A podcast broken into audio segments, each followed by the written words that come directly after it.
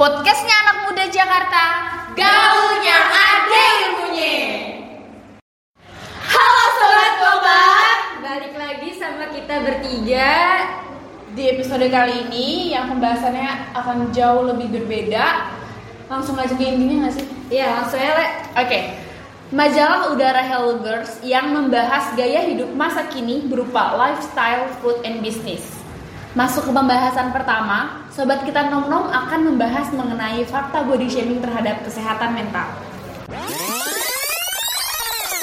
Body shaming adalah perilaku mengkritik atau mengomentari fisik atau tubuh diri sendiri maupun orang lain dengan cara yang negatif Entah itu mengejek tubuh gendut, kurus, pendek, atau tinggi Sama seperti saat Anda melakukan bullying secara verbal Pengaruh body shaming terhadap kesehatan mental Body shaming terjadi ketika seseorang memperlakukan orang lain terkait bentuk tubuhnya Perilaku ini banyak terjadi pada wanita, apalagi belakangan ini tindakan body shaming sering terjadi di media sosial. Seseorang yang sering mengalami body shaming akan mengalami berba berbagai dampak buruk termasuk kesehatan mental. Orang yang mengalami ini akan mengalami perasaan malu pada awalnya, lama-kelamaan dirinya akan menganggap dirinya tidak berguna. Pada suatu titik, dampak dari body shaming terhadap kesehatan mental dapat menyebabkan seseorang mengalami depresi dan gangguan makan. Kamu harus tahu beberapa gangguan kesehatan mental yang dapat terjadi sehingga dapat menanggulanginya. Berikut beberapa hal tersebut. Pertama, anoreksi. Salah satu dampak dari body shaming pada kesehatan mental adalah anoreksi. Gangguan ini termasuk hal ekstrim yang terjadi untuk menurunkan berat badan karena perlakuan buruk terhadap penampilannya. Orang mengalami ini akan berusaha keras agar tubuhnya menjadi kurus. Jika gangguan ini sudah terjadi, perilaku dilakukan perawatan yang sangat serius dan hati-hati dengan psikiater dan terapis. Kedua, binge eating disorder. Gangguan kesehatan mental lainnya yang berhubungan dengan body shaming adalah binge eating disorder. Hal ini umumnya terjadi pada seseorang yang terlalu kurus karena membuatnya akan akan makan tetap henti.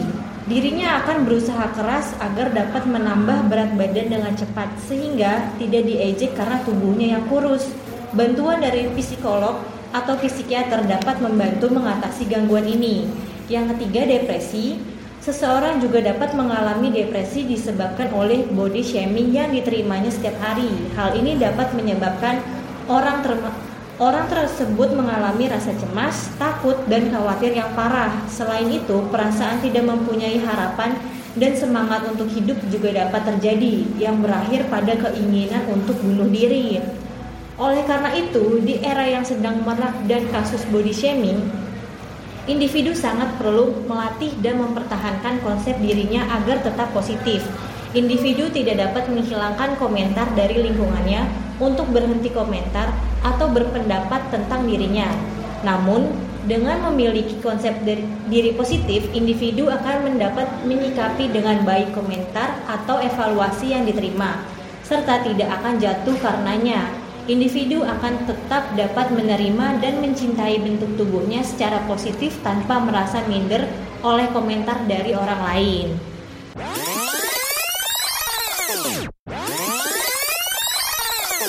Body shaming adalah perilaku mengkritik atau mengomentari fisik atau tubuh diri sendiri maupun orang lain dengan cara yang negatif. Entah itu mengejek tubuh gendut, kurus, pendek, atau tinggi, sama seperti saat Anda melakukan bullying secara verbal. Pengaruh body shaming terhadap kesehatan mental Body shaming terjadi ketika seseorang memperlakukan orang lain terkait bentuk tubuhnya, Perilaku ini banyak terjadi pada wanita, apalagi belakangan ini tindakan body shaming sering terjadi di media sosial. Seseorang yang sering mengalami body shaming akan mengalami berba berbagai dampak buruk termasuk kesehatan mental. Orang yang mengalami ini akan mengalami perasaan malu pada awalnya, lama-kelamaan dirinya akan menganggap dirinya tidak berguna. Pada suatu titik, dampak dari body shaming terhadap kesehatan mental dapat menyebabkan seseorang mengalami depresi dan gangguan makan. Kamu harus tahu beberapa gangguan kesehatan mental yang dapat terjadi sehingga dapat menanggulanginya. Berikut beberapa hal tersebut. Pertama, Anoreksi Salah satu dampak dari body shaming pada kesehatan mental adalah anoreksi. Gangguan ini termasuk hal ekstrim yang terjadi untuk menurunkan berat badan karena perlakuan buruk terhadap penampilannya. Orang mengalami ini akan berusaha keras agar tubuhnya menjadi kurus. Jika gangguan ini sudah terjadi, perilaku dilakukan perawatan yang sangat serius dan hati-hati dengan psikiater dan terapis. Kedua, being eating disorder. Gangguan kesehatan mental lainnya yang berhubungan dengan body shaming adalah being eating disorder. Hal ini umumnya terjadi pada seseorang yang terlalu kurus karena membuatnya akan akan makan tetap henti. Dirinya akan berusaha keras agar dapat menambah berat badan dengan cepat sehingga tidak diejek karena tubuhnya yang kurus. Bantuan dari psikolog atau psikiater dapat membantu mengatasi gangguan ini. Yang ketiga, depresi. Seseorang juga dapat mengalami depresi disebabkan oleh body shaming yang diterimanya setiap hari. Hal ini dapat menyebabkan orang orang tersebut mengalami rasa cemas, takut, dan khawatir yang parah. Selain itu, perasaan tidak mempunyai harapan dan semangat untuk hidup juga dapat terjadi, yang berakhir pada keinginan untuk bunuh diri. Oleh karena itu, di era yang sedang merak dan kasus body shaming, individu sangat perlu melatih dan mempertahankan konsep dirinya agar tetap positif. Individu tidak dapat menghilangkan komentar dari lingkungannya untuk berhenti komentar atau berpendapat tentang dirinya.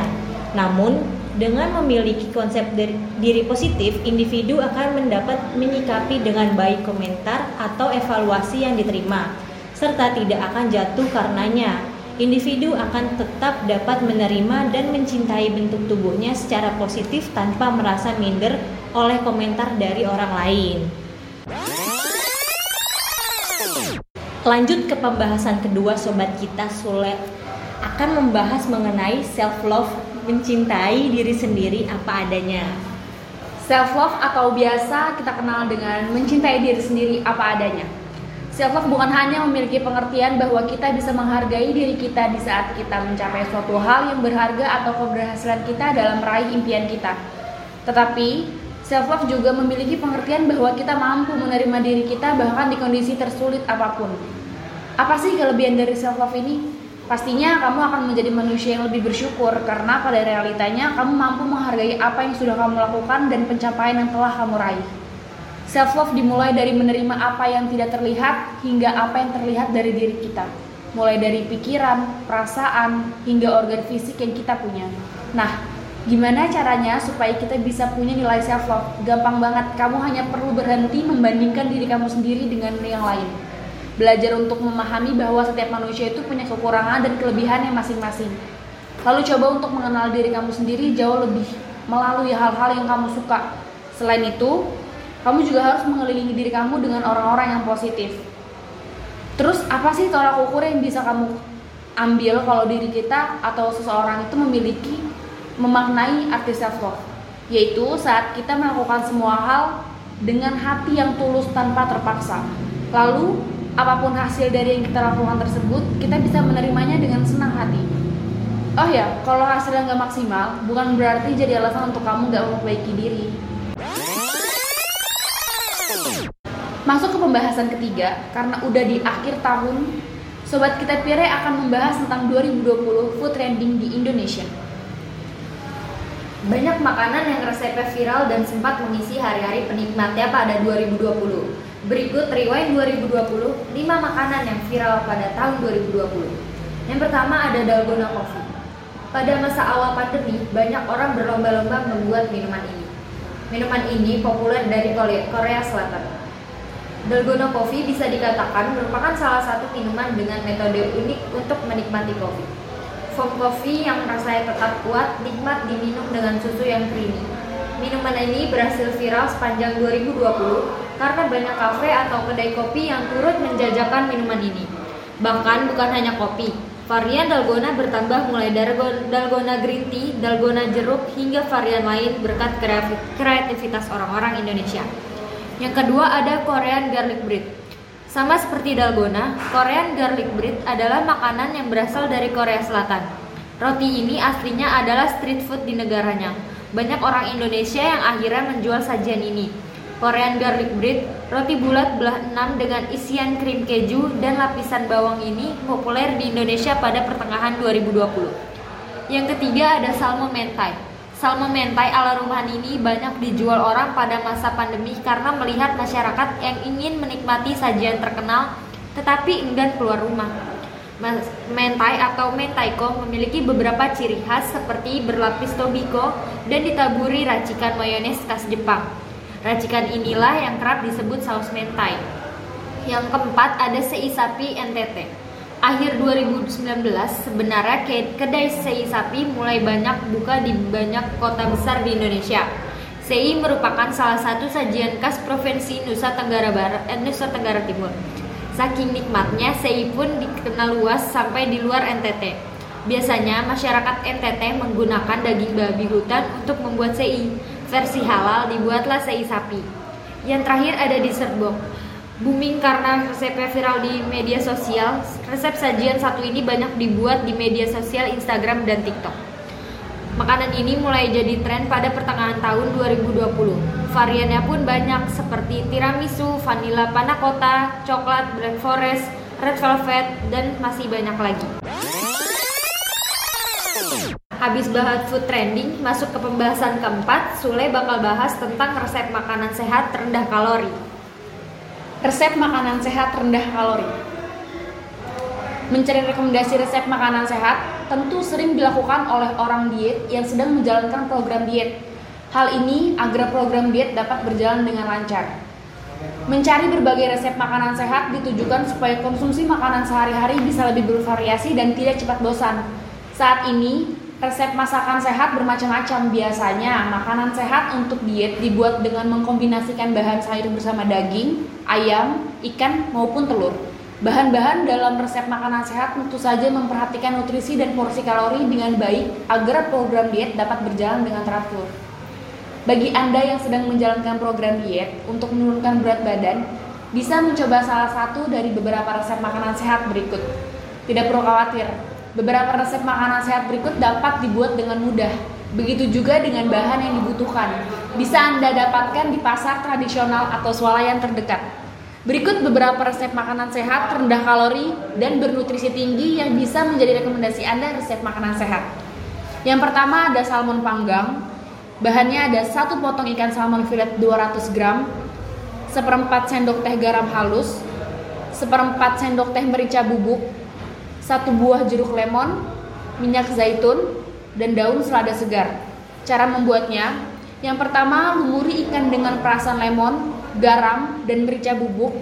Biarkan kurang lebih 3 menit. Panaskan teflon, tuang sedikit minyak zaitun, goreng ikan dengan api sedang, masak hingga salmon matang, balik beberapa kali agar matang merata. Yang terakhir, Sajikan salmon dengan selada dan sayur lainnya. Resep kedua ada sup kacang merah. Bahannya 500 gram kacang merah, 300 gram daging sapi, 2 batang daun bawang, 2 batang seledri, 1 buah tomat, dan 1 buah kentang. Bumbu yang dihaluskan ada 6 siung bawang putih, 1 ruas jahe, seperempat bagian pala, garam, dan merica secukupnya. Cara membuatnya, rebus daging sampai empuk potong dadu, cuci bersih kacang, masukkan ke dalam air kaldu daging, masukkan bumbu halus, irisan kentang, dan daging sapi ke dalam rebusan kacang merah, masak hingga kacang empuk, masukkan irisan daun bawang, tomat, aduk sebentar, dan matang. Yang terakhir ada oatmeal yogurt. Bahannya ada 4 sendok makan oatmeal, 4 sendok makan air panas, 100 ml susu cair, 3 sendok makan yogurt, buah-buahan sesuai selera. Cara membuatnya, campurkan oatmeal dan air panas hingga empuk. Bisa juga dimasak sebentar jika menggunakan oat utuh. Tuang susu dan yogurt ke dalam oatmeal, aduk rata, tambahkan buah-buahan sesuai selera. Karena tahun 2020 pandemi COVID-19 melumpuhkan ekonomi di berbagai negara, Kali ini Nom Nom akan membahas tentang ketangguhan wanita memutar ekonomi saat COVID-19. Secara umum, pandemi COVID-19 memberi dampak luar biasa pada peran perempuan atau ibu di, ru di rumah. Daya tahan perempuan sangat tinggi di era adaptasi kebiasaan baru seperti sekarang ini. Perempuan sebagai ibu mengalami kepanikan namun berinisiatif dalam membangun kreativitas. Perempuan memiliki peranan penting dalam menguatkan keluarga pada masa pandemi COVID-19. Sebagai ibu dalam keluarga, berperan aktif berperan aktif melakukan pencegahan dan mengedukasi sampai mempersiapkan protokol kesehatan di lingkungan keluarga. Peran perempuan dengan mengubah pola pikir kreatif untuk membantu perekonomian keluarga. Banyak para ibu berinisiatif dengan memulai usaha kecil. Ada juga yang memanfaatkan lahan pe pekarangan rumah untuk ditanami bunga, sayur, atau bahan mulai membudidayakan ikan konsumsi. Perempuan yang kreatif dan inovatif, era adaptasi kebiasaan baru ini akhirnya memaksa kaum perempuan untuk berbuat untuk semuanya Perempuan itu tangguh, multitalenta, multitasking, kreatif, inovatif, dan ber, ber, berkapasitas, berkapasitas. Jadi jangan mereduksi perempuan sebagai sosok yang lemah. Ia hanya butuh support dan apresiasi. Perempuan di era pandemi dan new normal memegang peran penting dalam aspek keamanan keluarga dari penularan COVID. Karena perempuan sebagai ibu yang mengontrol anak-anak dan anggota keluarga yang lain Perempuan mampu mengatur mobilitas keluarga dan interaksi sosialnya.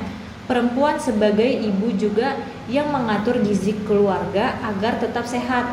Perempuan mampu menjaga asupan makanan yang bergizi dan pola makanan yang teratur. Dengan cara rutin menyediakan vitamin demi menjaga kesehatan keluarga.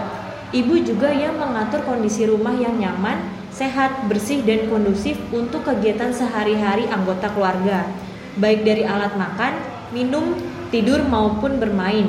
Di samping itu, kekuatan dan ketangguhan peran perempuan yang signifikan dalam menghadapi pandemi ini sangatlah dibutuhkan. Hal ini menjadi kunci atas permasalahan virus yang mematikan ini. Nah, pembahasan terakhir, Pire bakal ngejelasin tentang gambaran ka karir selepas pandemi. Virus corona telah menimbulkan ketidakpastian bagi semua sektor. Meski demikian, tantangan besar ini dapat menjadi peluang untuk membuat perubahan berarti. Pandemi COVID-19 mendorong banyak perusahaan untuk beroperasi dengan cara baru sehingga para karyawan mau tidak mau harus mengikuti perubahan. Untuk menyambut era kenormalan baru, Anda harus memiliki kemampuan berkarir seperti kemampuan beradaptasi, kreativitas, dan kerjasama disebut sebagai transferable skills. Ini adalah beberapa kemampuan dan kualitas yang dapat berguna di berbagai sektor industri dan bisa membuat Anda berhasil di mana pun Anda bekerja. Dunia kerja setelah corona tak lain adalah tidak harus datang ke kantor. Anda bisa belajar dan bekerja di rumah. Yang kedua, menjaga jarak. Dan yang ketiga, meningkatnya permintaan kelas online. Dan yang terakhir, peluang bisnis yang sangat besar.